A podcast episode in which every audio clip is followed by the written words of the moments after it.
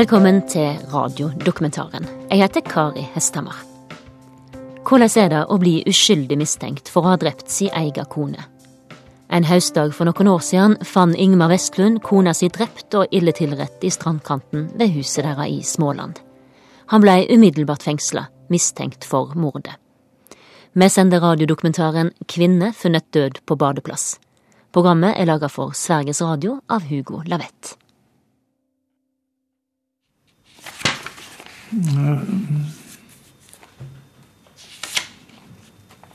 Det här är nog det första brev som jag skrev. Då, då jag satt i, i, i arresten i Västervik. Älskade barn. Vår kära älskade mamma? Frågetecken. Frågetecken. Vi är i en fullständigt overklig och absurd situation.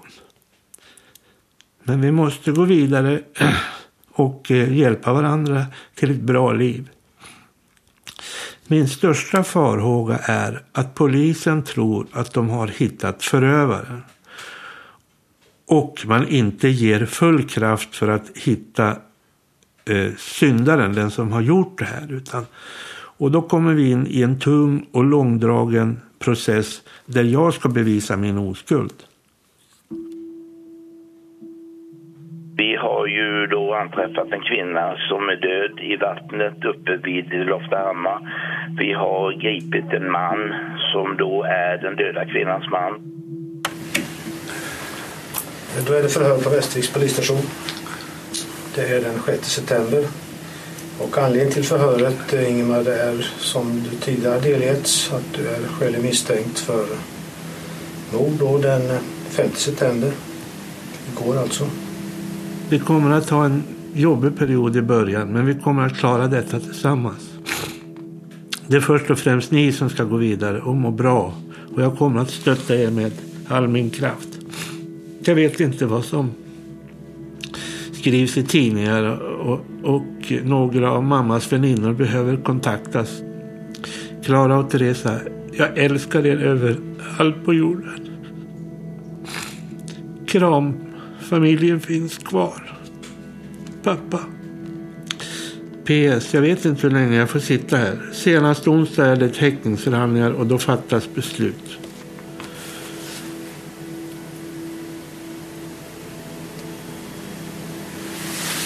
Har du dödat henne? Nej! Jag måste ställa en fråga eftersom du på sannolika skäl misstänkt för mord. Ja, men på vilka grunder begriper ju inte jag. Jag har inte mördat min hustru.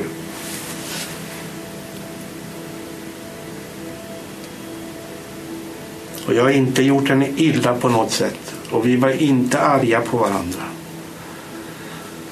Och jag har inte mördat min hustru.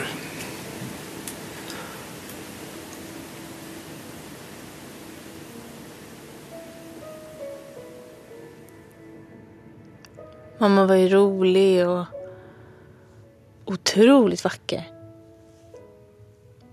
Alltså, fruktansvärt vacker. Alltså man tittar på bilder från när hon var yngre. Med så här korpsvart långt hår och gröna melerade ögon. Och jättefin, så stor, generös mun. Och jag fattar inte hur pappa kunde fånga henne. Om jag ska vara helt ärlig. Men hon var helt, som ung var hon helt magisk. Och även som en 60-åring. Agneta och Ingmar är tonåringar när de träffas första gången. 1965 gifter de sig i Paris. De flyttar till Nacka utanför Stockholm och får två döttrar, Teresa och Klara. Varje sommar åker de till sommarstugan i Loftahammar i Smålands skärgård. Agneta var en gudabenådad eh, svamplockerska. Hon kunde titta in i naturen och säga här finns det kantareller. och sen gick hon in och så plockade hon dem och de fanns där. Från att ha varit sommargäster i många år köper de en gård, säljer huset i Nacka och flyttar till Småland. Agneta jobbar som kultursamordnare i Västervik och Ingemar är ordförande i Loftahammars intresseförening. De lär känna många människor i byn. Om sommarhelgerna har Agneta en loppis i laggården på gården. Ingmar visar oss runt. Han har en rutig kortärmad skjorta helt uppknäppt och magen steker i solen. Håret är kritvitt. Tre hus finns på tomten. Det är stora för Agneta och Ingmar och så har döttrarna varsitt. Det är ett ständigt fix med gården. Senaste projektet är ett par högtalare upphängda på en vägg. Riktade ut mot skogen. Och där hade vi då byggt en altan som låg i sånt där perfekt kvällsläge. Och dels så hade hon då, skulle hon räkna dagskassan hur den såg ut. Och eh, med ett glas vin, en cigarett, kantareller och dagskassan. Och eh, visste ju då att klockan sex då skulle jag ringa i vällingklockan. Och så spelar jag ungefär en minut utav ett trombonsolo som Nils Landgren hade gjort. Och det var en sommarkväll där det var helt tyst och vindstilla. Och man spelade med full styrka Nisses låtar. Så var det himmelskt. Då musiken var slut så sa Agneta, kom nu och ta en vinare du också. Det var som att det här ljudet gick eh, rätt ut i naturen och ut i skogen.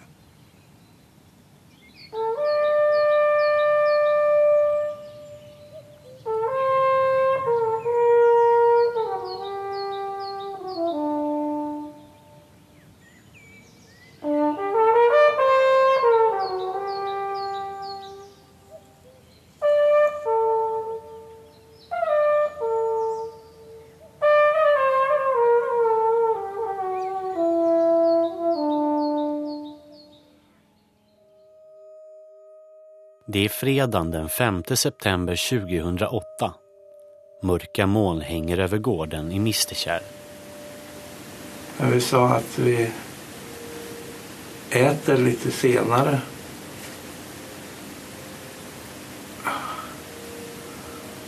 Och eh, då hade vi siktet inställt på friidrotten klockan åtta. Kriminaltekniker Johan Brun läser ur sina anteckningar från kvällen. Vid klockan 18.32 stänger Agneta av sin dator. Vi har gjort undersökningar på denna på kriminaltekniska roten i Kalmar. Och då enligt försuppgifter så går Agneta ut med deras hund, en valp, Jocke. Och Ingmar håller på att klippa gräs på sin åkgräsklippare. Det är 10 grader den där fredagen och regnet ligger i luften. Agneta har på sig en röd jacka blåa jeans och gummistövlar. Ingemar sitter på gräsklippan och ser inte Agneta när hon går ut i skogen med hundvalpen Jocke. Är det Agneta som brukar gå ut med hunden? Ja. Och sen klippte jag där och fram till ungefär halv åtta eller någonting sånt där. Halv åtta, kvart i åtta. Här är jag väldigt diffus. Klockan åtta börjar friidrotten och Agneta har varit borta i en och en halv timme. På spisen står spaghetti och köttfärssås under lock. Ingmar sätter sig vid tvn och ser världsrekordhållaren Usain Bolt springa 100 meter i ett regnigt Bryssel.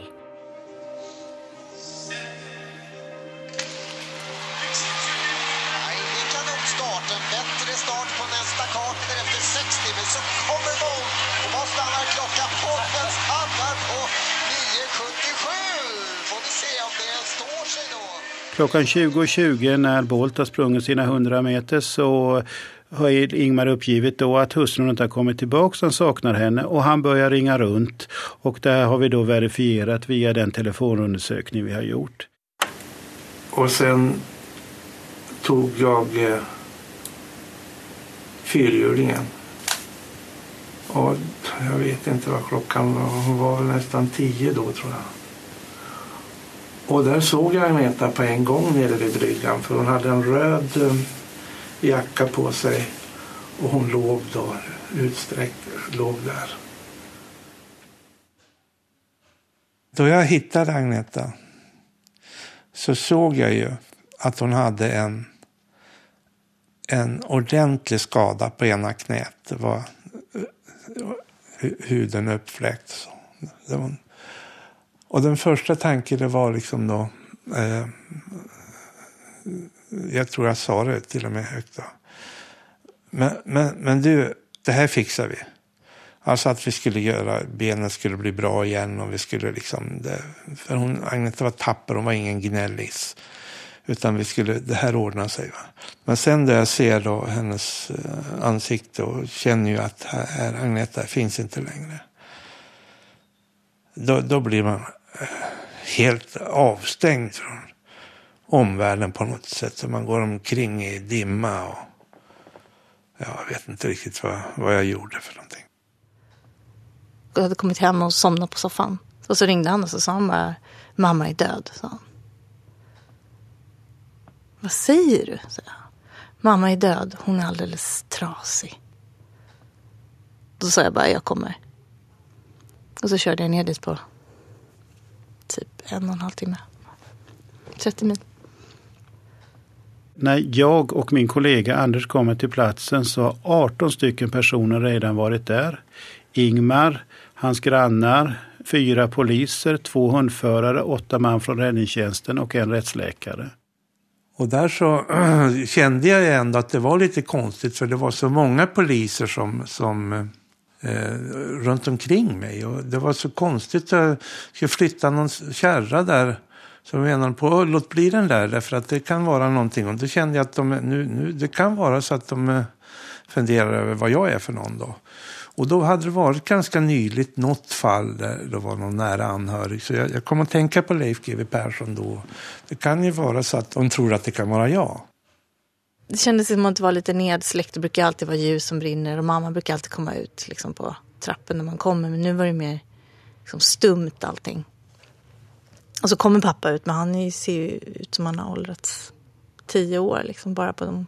Det tog från det samtalet tills jag kom. Allt ligger ju precis där. Mammas askkopp står ju där precis som vanligt. Alltså allt är ju precis exakt som vanligt fast det är inte som vanligt. Och det står mat på spisen och så går det då två poliser omkring i huset. Och... Jag ligger i, i, i soffan i tv-rummet där och eh, Teresa, ja, vi sitter där tillsammans.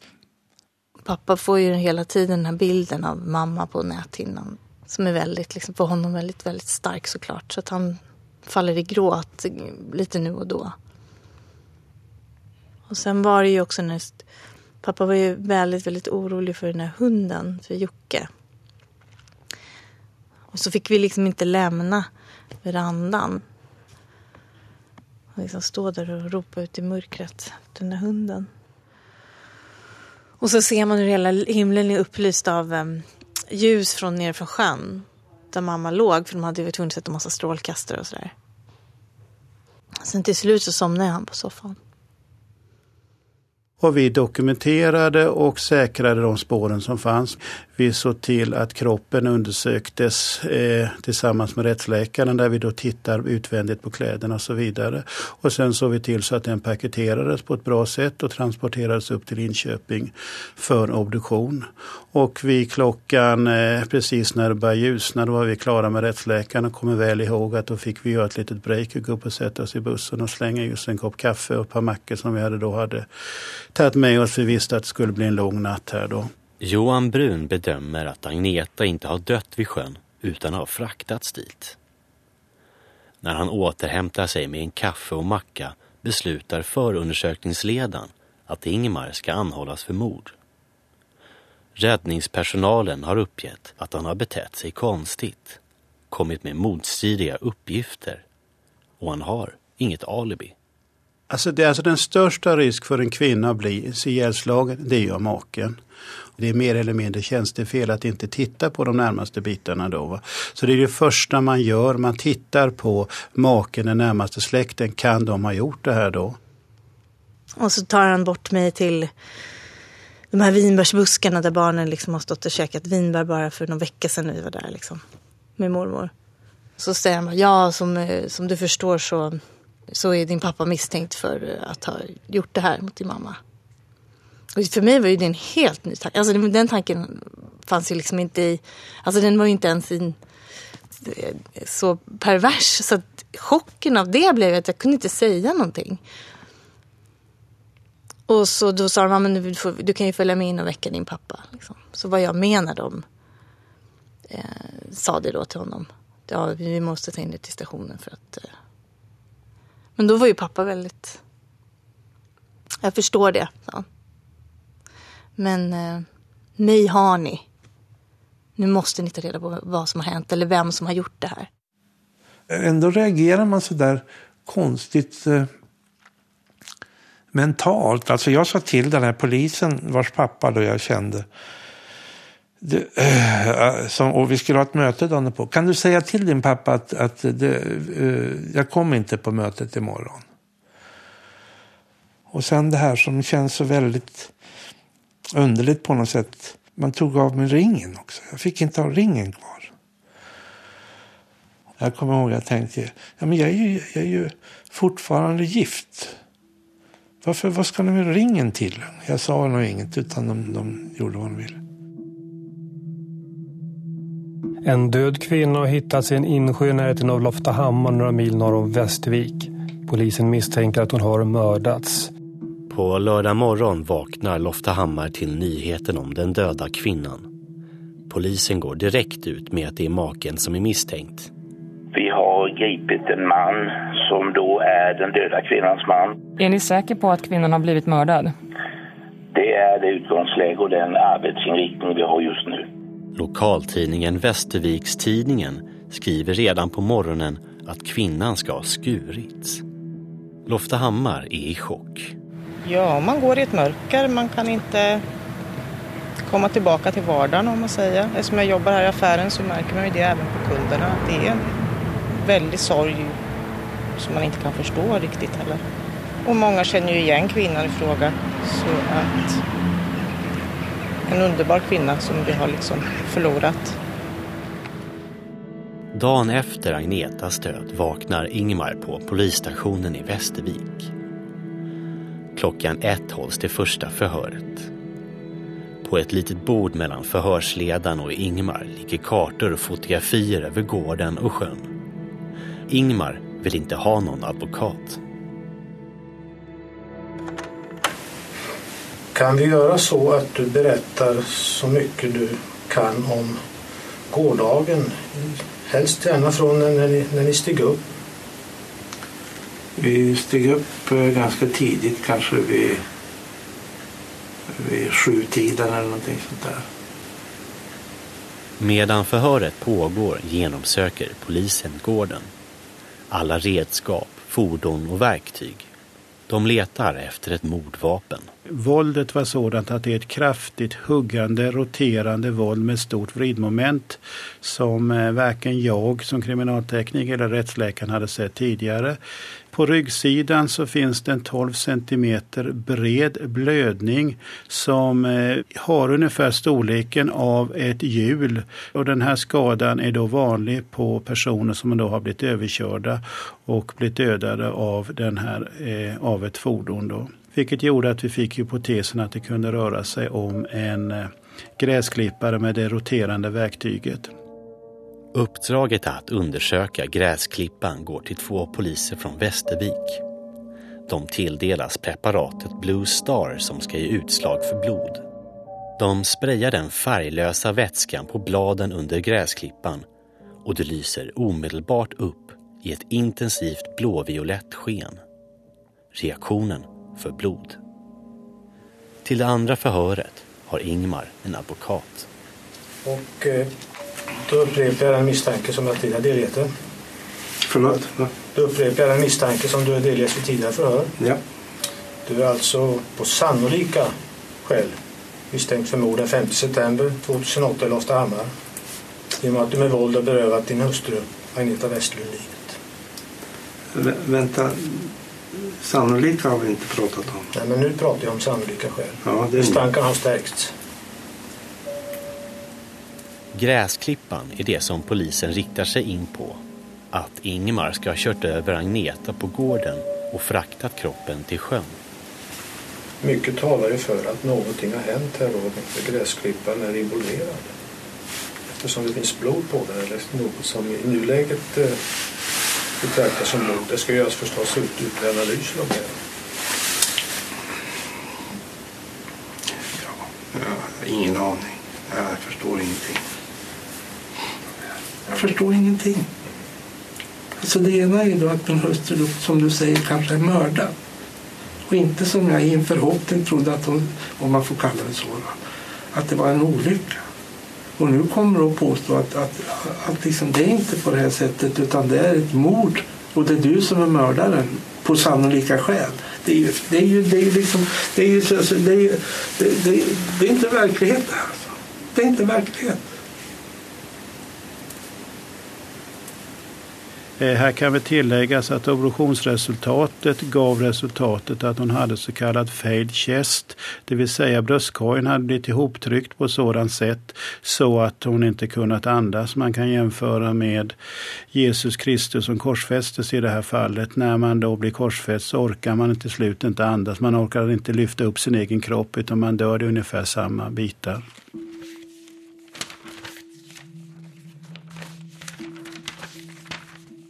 Jag får ta på mig fängelsets kläder i olika storlekar. Till strumpor har man lagt fram två toppluvor. De hade inga strumpor. Jag förs till min cell som är helt naken. Lampor tänds utifrån, ingen klocka, inget vatten, inget fönster, ett lakan direkt på plast. Maten består av Dafgårds djupfrysta produkter. Ett eller två alternativ. Kaffet slut, mjölken saknades, rakhyvel gick inte att använda, skar upp flera sår. Toalettpapper saknades, byte av kalsonger skedde en gång till underlig storlek. Vi har inga andra, vi har inte fått några. Efter tre dagar transporteras Ingemar till Kalmar. Åklagaren vill ha honom häktad på sannolika skäl. Men tingsrätten nöjer sig med skäligen misstänkt, den lägre graden. Den substans som hittats under gräsklippan är under analys och provsvaret ska komma följande vecka. Teresa och lilla systern Klara bor hos några vänner till familjen inne i Loftahammar. Sen kom ju Jocke. Så han hade ju kommit travandes över ängen ensam. Kanske vad kan det vara, 24 timmar senare eller något sånt där. En polis med väldigt trevlig uppsyn faktiskt. Som kom med honom. Vi blev jätteglada för det. Det kändes lite som ett litet hopp på något sätt. När han kom. Och jag visste hur glad pappa skulle bli också sådär. Och så kommer analyssvaret från gräsklippan. Det är inte blod från en människa, utan från ett mindre djur eller rost. I brist på bevis släpps Ingemar. Jag släpptes ur häktet då en måndagkväll. Då jag stod där med eh, urladdad mobiltelefon, Kriminalvårdsstyrelsens gröna byxor, busstidtabell för att åka till Västervik och sen ta mig hem.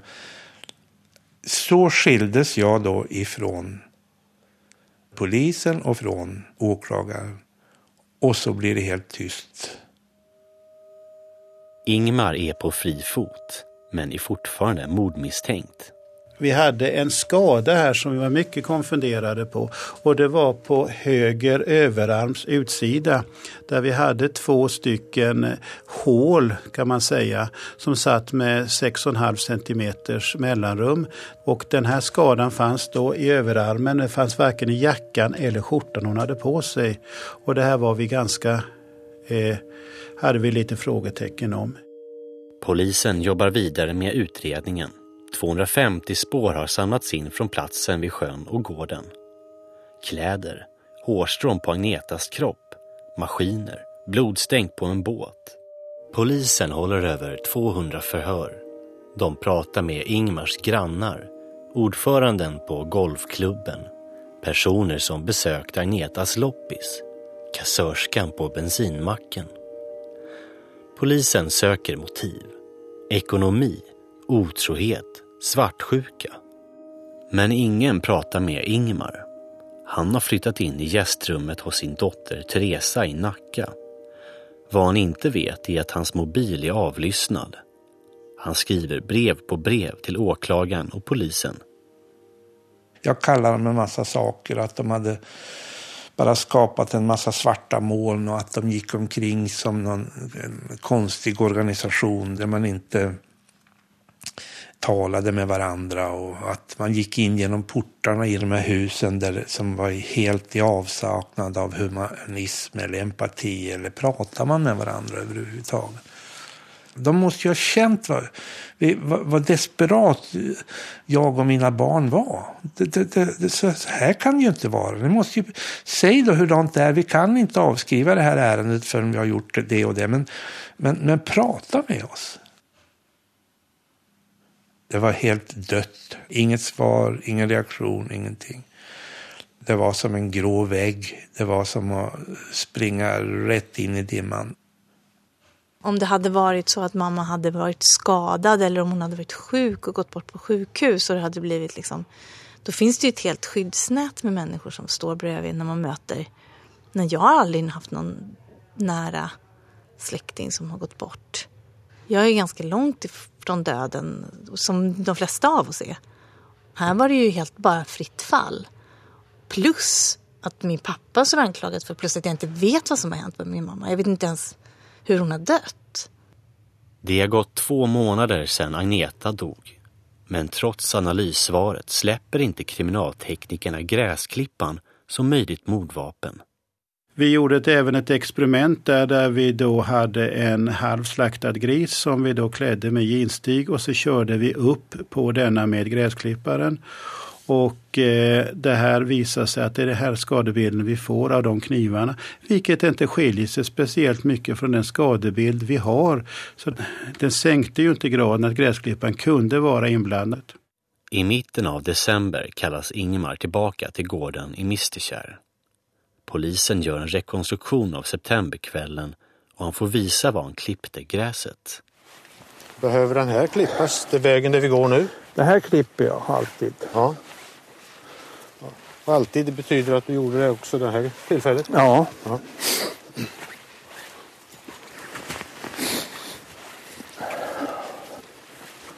Det här är ett paradis om ni inte har förstått det.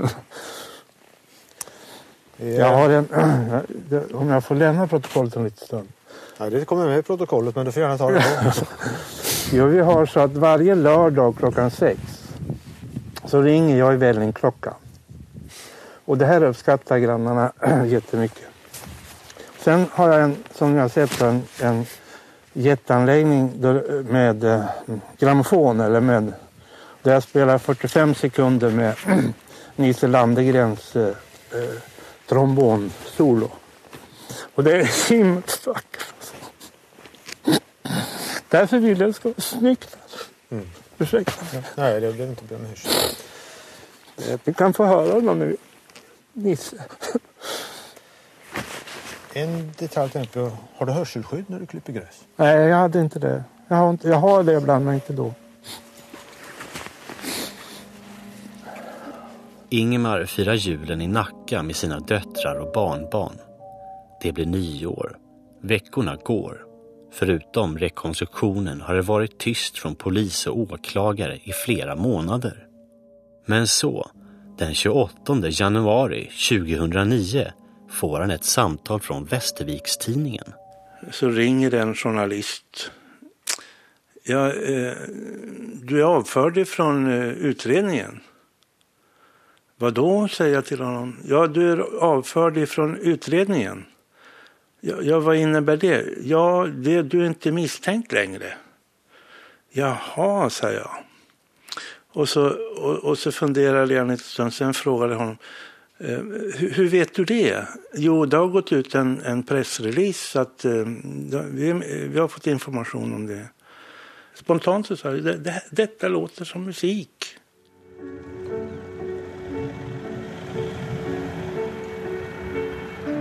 Framåt vårkanten flyttar Ingemar ner till gården igen. Fri från polisens misstankar. Men vem var det som mördade Agneta?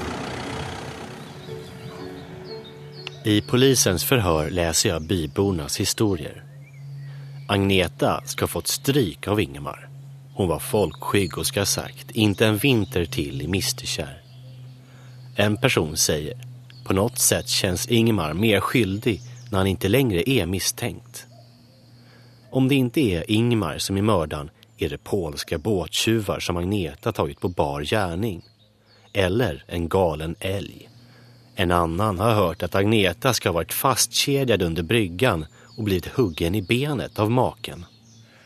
Men jag kände definitivt på golfbanan och, på, och på, i butiken att här tittar de snett på mig och oj, oj, oj, nu har han varit nere i, i, och köpt en ny, eh, en ny gräsklippare. Eh, och det var väl för att han skulle dölja den, den, den gamla då. Och då gick ryktet i byn också. Det fick jag ju höra via eh, mina vänner då att ja, han såg dig där nere på järnhandeln och att jag hade köpt en ny gräsklippare. Nu får ni se upp ungefär. Under vintern och våren 2009 sitter kriminaltekniker Johan Brun i Kalmar och samlar in analyssvar. Ett får speciell betydelse. Vi visste att Agneta hade haft med sig lilla valpen Jocke när han varit ute och gått. Vi hittade hårstrån som satt på lite ställen, lite avvikande ställen, bland annat ett som vi ser här på bilden som sitter då i ögat. Men vi förutsatte ju att det här är ju Jockes hårstrån. Men hårstråna på Agneta är inte från hundvalpen. De är från ett annat djur. De hårstråna kommer från hjortdjurstyp. Vid ytterligare analyser kan djurarten preciseras. Det rörde sig om älghår. Vi började fundera i den här hypotesen, kunde det röra sig om en älg? De analyserar blodfläckarna på den båt som låg uppdragen på land bredvid Agneta. Stänket visar att hon måste ha dött på platsen vid sjön och inte fraktats dit som polisen först trott. Plötsligt finns en brottsplats. Eh, där har vi den och där har vi fall och där har vi videofilmen där ja. Johan Brun gör en enkel sökning på älgattack på internet. Det här var en film som vi då hittade på Youtube om en person som blev attackerad av en älg här älgkon och hennes kalv. Det är alltså en älgko som slår ner, jag tror det är en kvinna, eh, och trampar på henne vid ett flertal tillfällen och slår mycket med både framben och bakben mot den här personen som de ligger på marken och försöker skydda sig. Sen ser vi då älgarna gå iväg i slutet av den här och det kommer en kommentar att de... Det var inte alls något slumpartat vredesutbrott. Älgkon hade plågats i timmar av snöbollskastande skolelever. Men här väcktes ju då idén på att det kunde röra sig av en älg. Och det är ju frågan här, hur går man vidare? Älgexperter kopplas in. De konstaterar att de två hålen på överarmen troligen är från en älgtjur vars horn ofta är lite rundade. Det var i september Agneta dog, älgarnas parningstid. Men en avgörande pusselbit saknas. De som har sett de här älgarna attackera folk så här, de tuggade mer eller mindre fragga. Det stänker saliv om dem. Och det måste finnas saliv på hennes kläder. På Agnetas jacka hittade kriminalteknikerna tre fläckar. Och när Johan Brun i samband med dödsfallet skickar in jackan på analys ställer han frågan om fläckarna är från Ingmar. Svaret är nej. Fläckarna förblir en gåta. Mer än ett år senare skickar han in jackan på nytt. Den här gången med frågan Finns det spår av älg på Agnetas jacka? Och jag kommer så väl ihåg när Ann Jangblad uppe på SKL ringer ner till mig när hon säger Johan. Och sen så kommer det här de här fläckarna vi har skickat upp, de fläckarna är det så mycket DNA så det är tio gånger mer DNA än det brukar finnas på ett filterpapper på en cigarett. Så Det är fruktansvärt stora mängder av älgsaliv säger de på de här. Då. Och där någonstans då har vi fått alla pusselbitar att ramla på plats.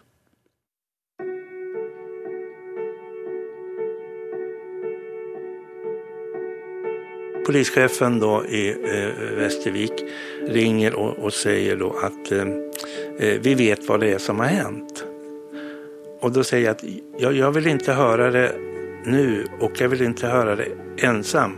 Utan jag vill att eh, eh, du kommer upp till Nacka och berättar för mig och mina barn vad det är som, vad det är som har hänt. Så att vi får höra det tillsammans. Och där berättade hon då att eh, man hade då var övertygade om att det var en älg som hade, som hade eh, sparkat sönder Agneta. Och min första, en av mina första frågor var ju då ful, men, men jag, jag kände jag måste ställa den. Det, det är inte på så sätt att ni nu använder det här för att komma ifrån det här fallet nu har ni löst det här, hurra, hurra, vad, vad duktiga vi är. Men, men så var det inte, sa hon.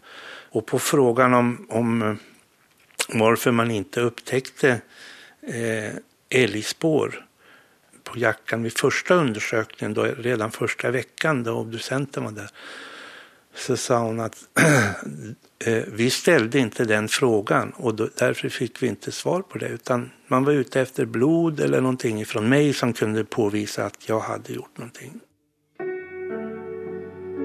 Eh, vi har eh, kallat till presskonferens idag. Den 1 december 2009 håller polisen i Västervik en presskonferens. Och det här var i samband med brunsten, alltså några veckor före älgens parningstid. Vi vet också att älgen ofta gör utfall som inte fullföljs. Men vi vet att det är kritiskt att man inte så att säga, ramlar om man blir utsatt för de här utfallen. Det som var försvårande i det här fallet var att det fanns en ung hund som också mer eller mindre kan ha provocerat älgen att fortsätta de här utfallet.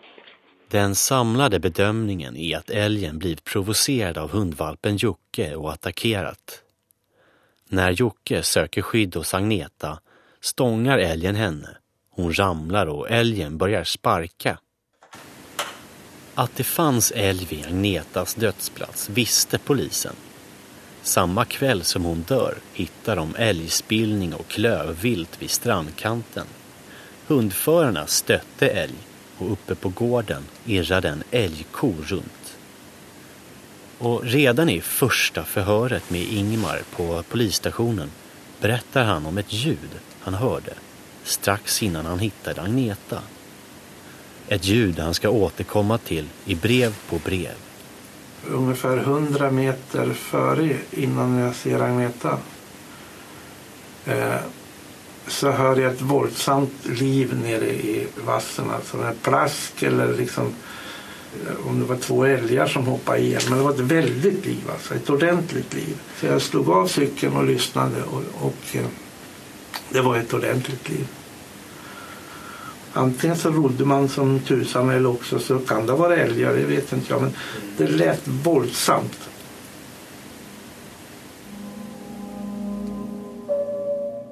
Jag har pratat med förhörsledaren och han säger att de gick vilse redan från början i utredningen. Han har dessutom skrivit ett brev till Ingmar på nio sidor där han går igenom alla misstag. De låste sig till Ingmar allt för länge. Strategin var att lämna honom ensam, att inte hålla kontakten och att han skulle avslöja sig över den avlyssnade mobilen. I Loftahammar tas nyheten om älgen emot med stor skepsis. Västervikstidningen gör en enkät på stan med sju personer. Samtliga avfärdar polisens slutsats. En person säger mordet är och förblir en gåta.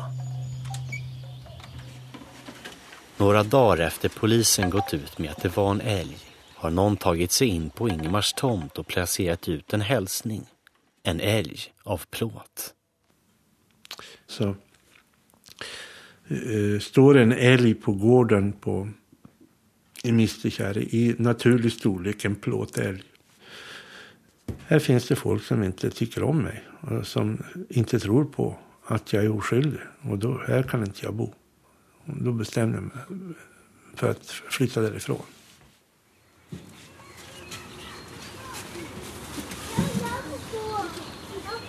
En dag i veckan hämtar han barnbarnen på dagis. Nej, det gick bra så. Ja, det är bra. Hunden Jocke är idag fem år. Alla klara? Ja. Då kan vi fara. Alltså han är jättebra på att rimma. Kan rimma på citron. Ja, vi, vad var det vi sa vi? Du sa kungen sitter på sin tron och äter citron. Ja, det var det enda jag kom på. Vad hade du med där? En lampa. Lampa, det var lättare. Det var trampa och slampa och svampa och klampa och... Sår. Rimma på sår. Sår, det är ju jättelätt.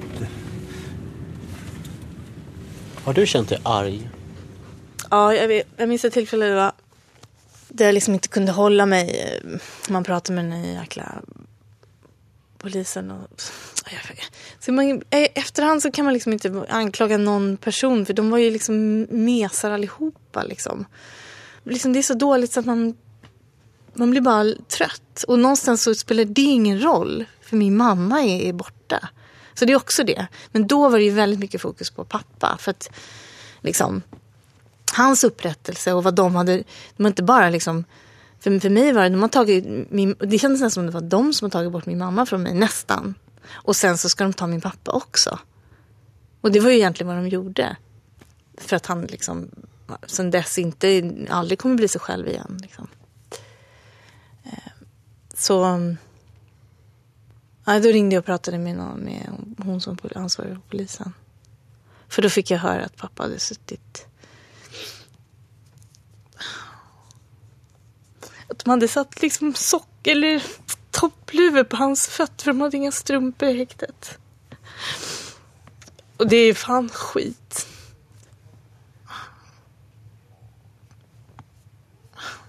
Nej.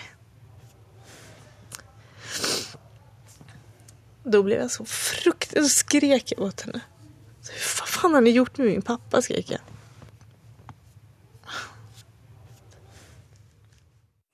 Det blev ju så. Jag sålde ju inte huset förrän då två år senare. För det var, det var så mycket att plocka i ordning. Och klockan sex då på den lördagen jag var där så spelade jag. Ringde jag klockan och jag spelade eh, Nils Landgrens låtar. Och det var, det var som att jag sände vita duvor och blommor upp till Agneta. Och jag såg att hon satt där på altanen med sina kantareller och vinet och cigaretterna och dagskassan och mådde väldigt bra. Och det, det är ett gott minne att ha.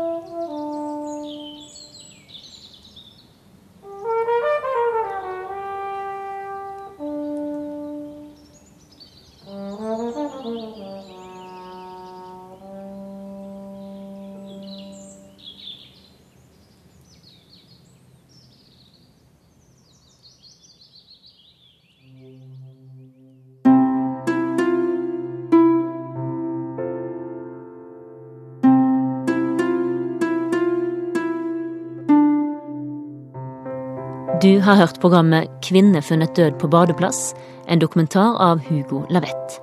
Robert Barkmann var produsent, og programmet var sluttmiksa av Jan Valdenmark. Skjærtorsdag morgen klokka ti sender vi radiodokumentaren Hjemkomsten. Etter våre soldater i krigen, hvordan er det å komme hjem? Odyssevs fra Itaka er på heimvei fra den lange Trøya-krigen. I torsdagens dokumentar møter han en krigsseiler fra andre verdenskrig og en veteran fra den norske FN-bataljonen i Libanon. De forteller om hvordan det var å finne veien hjem til sitt eget land og til sitt eget liv.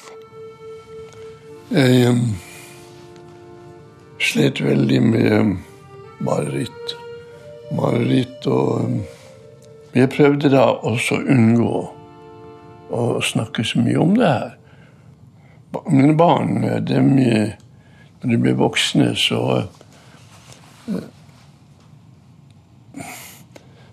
eh, vi spurte mig gärna varför jag aldrig hade fortalt något sånt. Nej, sa. Det hade jag nog inte gjort, fordi at eh, jag gjorde det för att jeg, eh, de ville inte ha förstått något. av det. Denne radiodokumentaren kan du høre skjærtorsdag morgen klokka ti. Og klokka 22 om kvelden kan du høre hele Radioteatret sin nyproduksjon av Odysseen her på NRK P2.